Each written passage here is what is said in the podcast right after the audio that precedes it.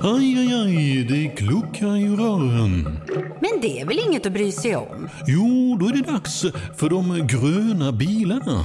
Spolarna behöver göra sitt jobb. Spolarna är lösningen.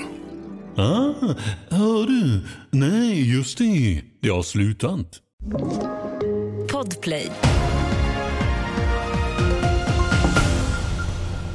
Vi börjar med att en buss med ett 50-tal personer ombord har kört i diket i höjd med Björkliden norr om Kiruna. Några personer ska vara lindrigt skadade men ingen uppges vara allvarligt skadad. Samtliga passagerare ska vara ute ur bussen och polisen ska nu utreda om det rör sig om en trafikolycka eller något trafikbrott.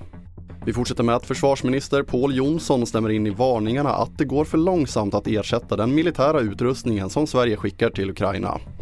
Beställningar dröjer och industrin saknar delar eller hinner inte skala upp produktionen och risken anses öka för att det som behövs kommer för sent. Man måste skaka liv i armén och det måste gå att göra saker snabbare. Vi måste bryta med det fredsmässiga förhållningssättet att det alltid är gott om tid men ont om pengar. Det sa Robert Dalsjö, överingenjör på FOI.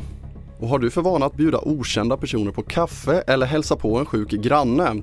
Ja, då har du större möjlighet att känna dig mer lycklig än dina mer missunnsamma medmänniskor. Detta enligt en ny amerikansk studie.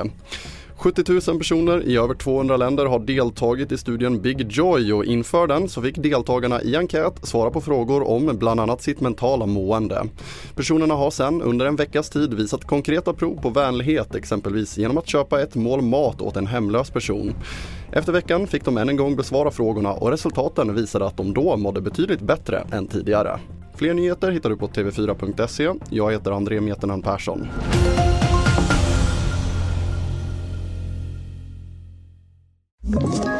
Ett poddtips från Podplay. I fallen jag aldrig glömmer djupdyker Hasse Aro i arbetet bakom några av Sveriges mest uppseendeväckande brottsutredningar. Går vi in med hemlig telefonavlyssning och, och då upplever vi att vi får en total förändring av hans beteende. Vad är det som händer nu? Vem är det som läcker? Och så säger han att jag är kriminell, jag har varit kriminell i hela mitt liv men att mörda ett barn, där går min gräns.